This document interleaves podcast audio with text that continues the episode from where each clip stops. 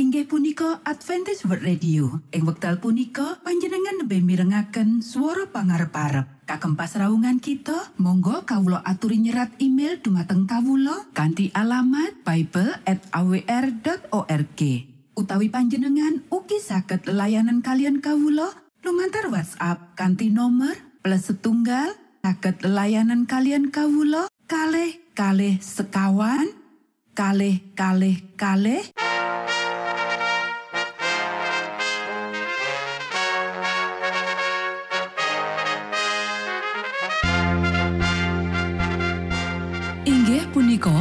Adventist World Radio ingkang giaran kanthi basa Jawi. Tentrem Rahayu kula aturaken kagem para mitra kinasih ing pundi papan lan panggonan. Sugeng pepanggian malih kalian Adventist World Radio. Kanti bingahing manah Kulo badhe sesarengan kalian para mitra lumantar saperangan adicara ingkang sampun rinonci mligi kagem panjenengan sami. Mugi giaran punika saged migunani tuwin dados berkah kagem kita sedaya. Sugeng midhangetaken Gusti amberkahi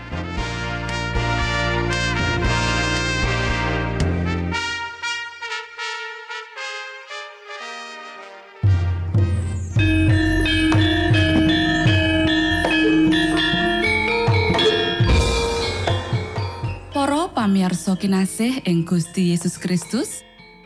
Ing wekdal punika kita badhe sesarengan ing adicara ruang kesehatan. Ingkang saestu migunani kagem panjenengan saha kita sami. Tips utawi pitedah ingkang dipun aturaken ing program punika tetales dawuhipun Gusti ingkang dipunnyatakaken ing kitab suci. Semanten ugi sakehing seratan ingkang dipun wangsitaken dening Gusti Allah. Nanging saderengipun, monggo kita sami midhangetaken kidung pujian.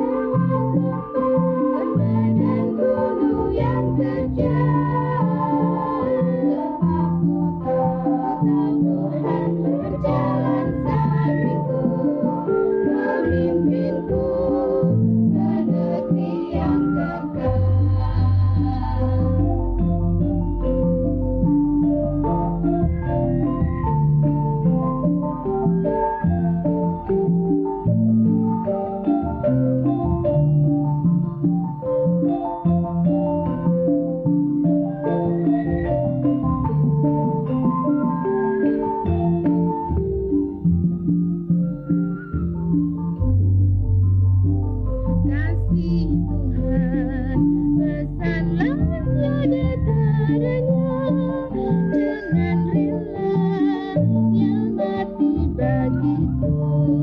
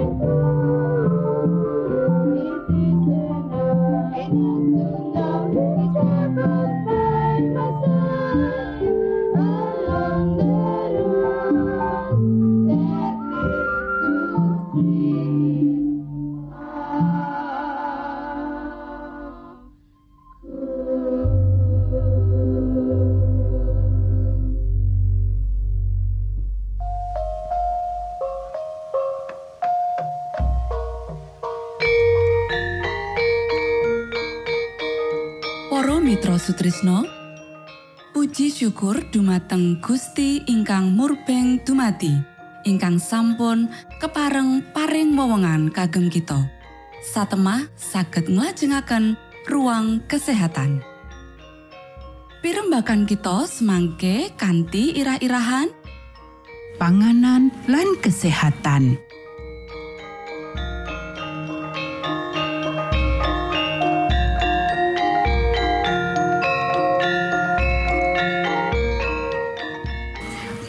Dumateng para pamiarsa ingkang dahat kinormatan sugeng pepanggian malih kalian kula Isti Kurnaidi ing adicara ruang kesehatan.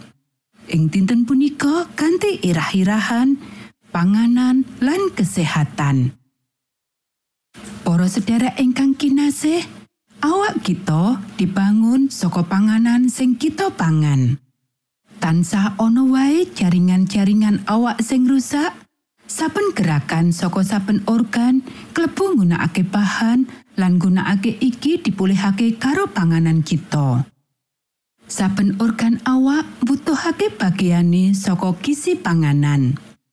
Otak kudu diisi nganggo bagiane, balung, otot, urat syaraf, nuntut bagiane dhewe. Ya iku sawijining proses nggumunake sing ngowahi panganan dadi getih lan gunakake getih iki kanggo mbangun maneka warna bagian awak. Nanging proses iki mlaku terus, ngisi saben syaraf, otot, lan jaringan-jaringan karo unsur-unsur panguripan lan kekuatan. Para sederek ingkang kinasih, panganan kudune dipilih sing paling menehi unsur-unsur sing diperlokake kanggo mbangun awak. Sakjroning pilihan iki, selera dudu panuntun sing aman. Kanti pakulinan mangan sing salah, mula selera uga dadi nyimpang. Asring selera nuntut panganan sing rusak kesehatan lan nyebabake karingkihan dudu kekuatan. Kita ora aman melu pakulinan-pakulinan masyarakat. Leloro lan kasangsaran sing ngambrah ning endi-endi akeh-akeh disebabake dening kesalahan umum sakjroning perkara panganan. Para sedherek ingkang kinasih, kanggo mangerteni apa panganan sing paling apik, kita kudu nyinaoni rancangan Gusti Allah sing wiwitan kanggo panganan manungsa. Panjenengane sing ngripta manungsa lan mirsani kabutuhan-kabutuhane wis nemtokake panganan kanggo Adam. Delengen pangatikane Gusti Allah. Lato sira iku padha sun paringi sarupane tetukulan ing salumaing bumi kang mawa wiji lan sarupane wit-witan kang metokake woh mawa wiji. Iku dadi panganira.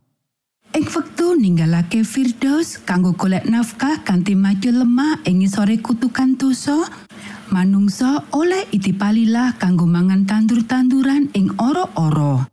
Para sederek ingkang kinasih, panganan sing dipilih dening Sang Pangripta kanggo kita ya iku woh-wohan, wiji-wijian, lan kacang-kacangan uga sayuran. Iki minangka panganan sing paling enak lan nyehatake menawa dicawesake kanthi alami lan kanthi cara sing prasaja. Panganan iki ngasilake tenaga, daya tahan lan kekuatan akal sing ora ditemokake ing panganan sing ruwet lan ngrangsang. Nanging ora kabeh panganan sing ngandut kesehatan iku cocok tenan karo kabutuhan kita ing sakabeh kahanan. Kudune ngati-ati sakjroning milih panganan. Panganan kita kudu cocok karo kahanan, karo iklim ing ngendi kita manggon, lan karo jenis panggawean sing beda.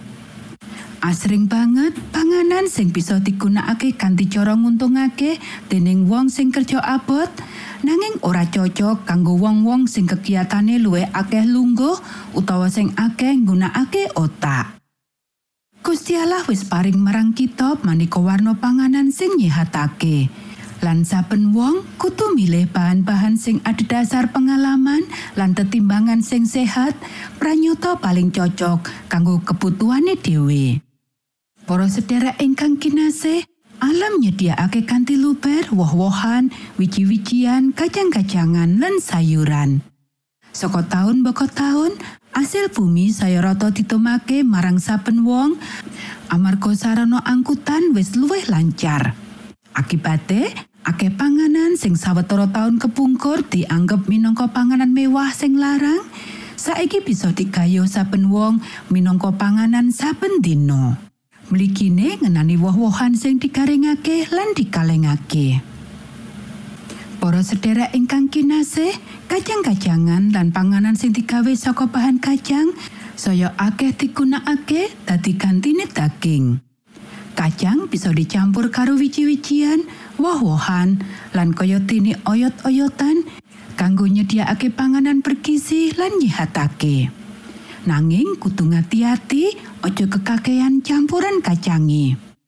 Wong-wong sing nyadari pengaruh ala saka nggunakake panganan kacang mungkin nemokake kangelan kanggo nyingkirake utawa nggatekake pepeling iki.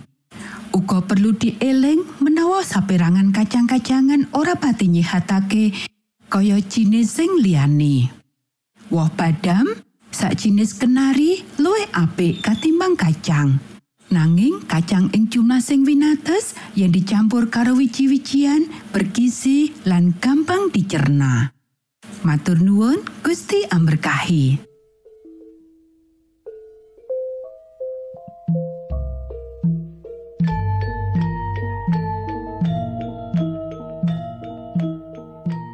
Cekap semanten pimbakan ruang kesehatan ing episode dinten punika.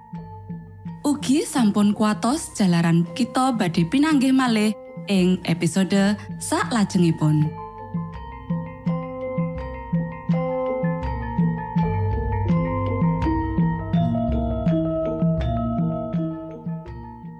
Inggih punika adicara ruang kesehatan. Menawi panjenengan gadah pitakenan utawi ngersakaken katrangan ingkang langkung, monggo kulo aturi kinton email dateng alamat ejcawr at gmail.com utawi lumantar WhatsApp kanti nomor 025 pitu 00 songo songo papat 00 pitu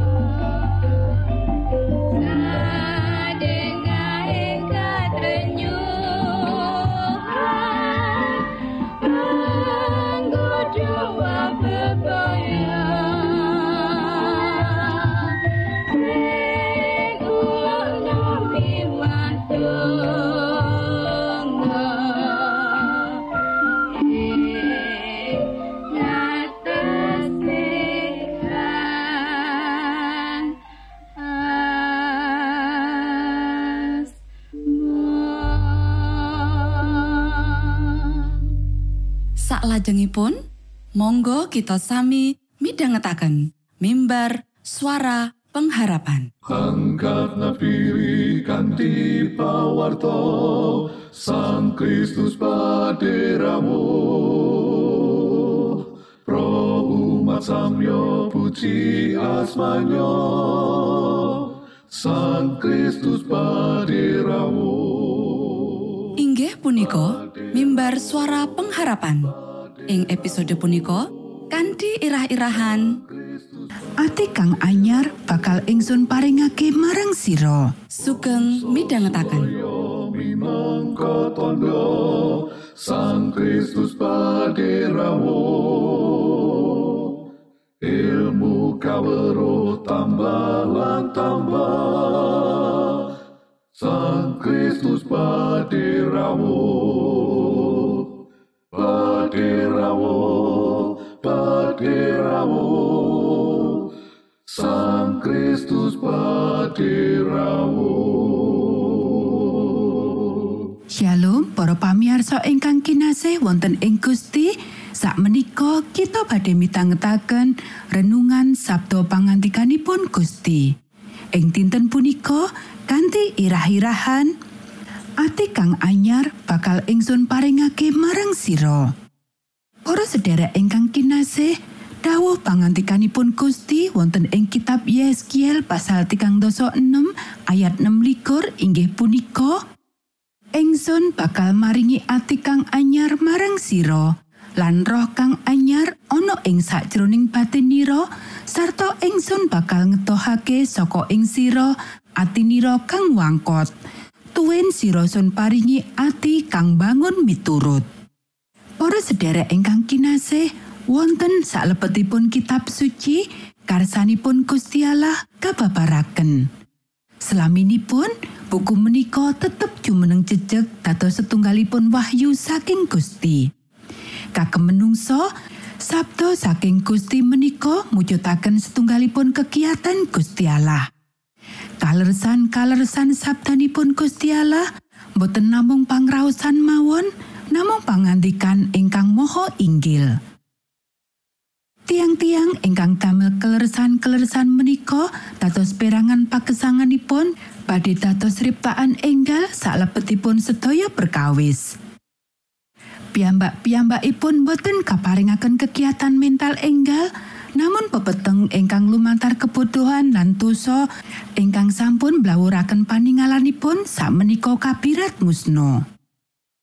Para sederek, pangandikan-pangandikan, Ati kang anyar uga bakal ingsun paringake marang sira ateges ewah-ewahan manah menika tansah wonten awit kegambaran ingkang cetha dumateng cicipahan Kristen setunggalipun pangertosan perkawis kaleresan Weningipun paningal kita dumateng kaleresan badhe sebanding kalian pangertosan kita dumateng sabdanipun Gusti Allah.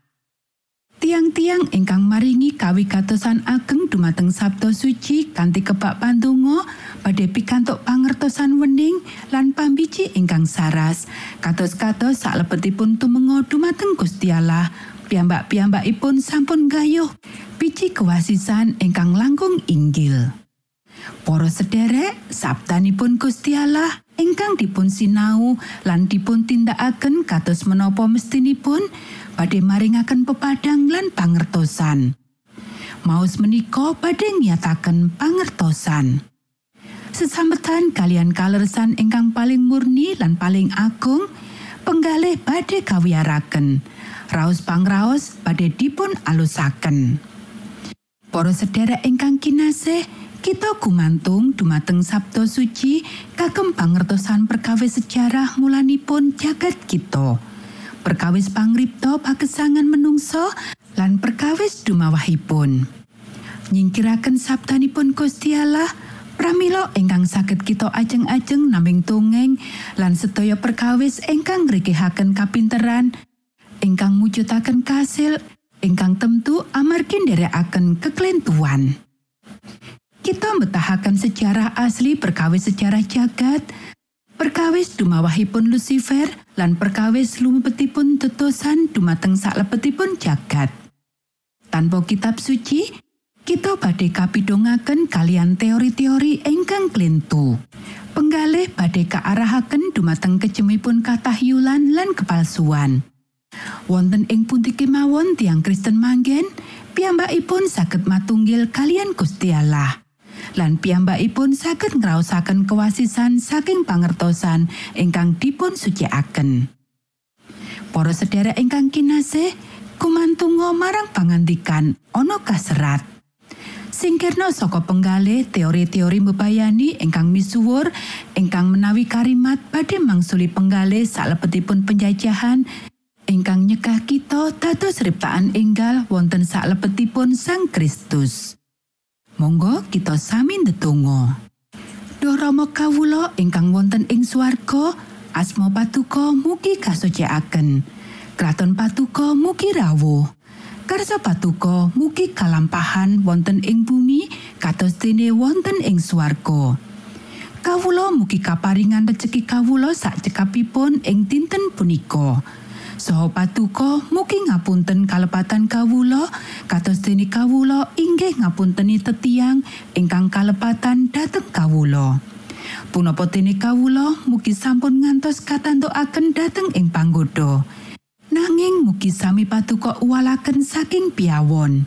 Awit dene patuko ingkang kagungan kraton saha wisesa tuwin kamulyan salami-laminipun. Amin.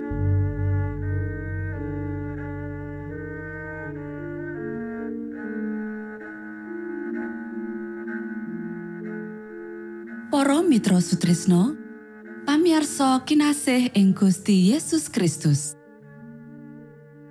Sampun paripurno pasamuan kita ing dinten punika. Menawi panjenengan gadah pitakenan utawi ngersakaken seri pelajaran Alkitab suara nubuatan Monggo Kulo aturi kinton email dateng alamat ejcawr gmail.com utawi lumantar WhatsApp kanti nomor 025 pitu 00 songo songo papat 00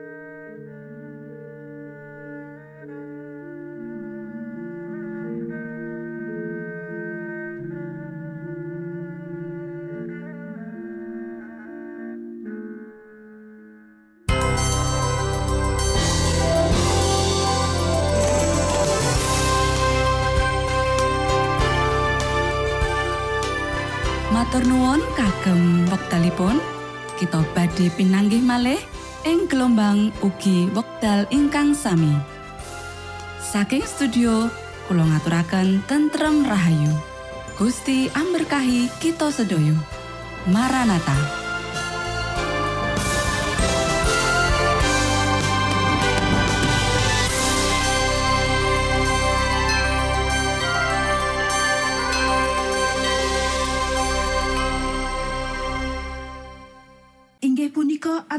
World Radio. Ing wekdal punika panjenengan lebih mirengaken swara pangarep-arep. Kagem pasraungan kita, monggo kawulo aturi nyerat email dumateng kawulo kanthi alamat bible@awr.org. Utawi panjenengan ugi saged layanan kalian kawulo lumantar WhatsApp kanthi nomor plus setunggal saged layanan kalian kawulo kalih kalih sekawan kalih kalih kalih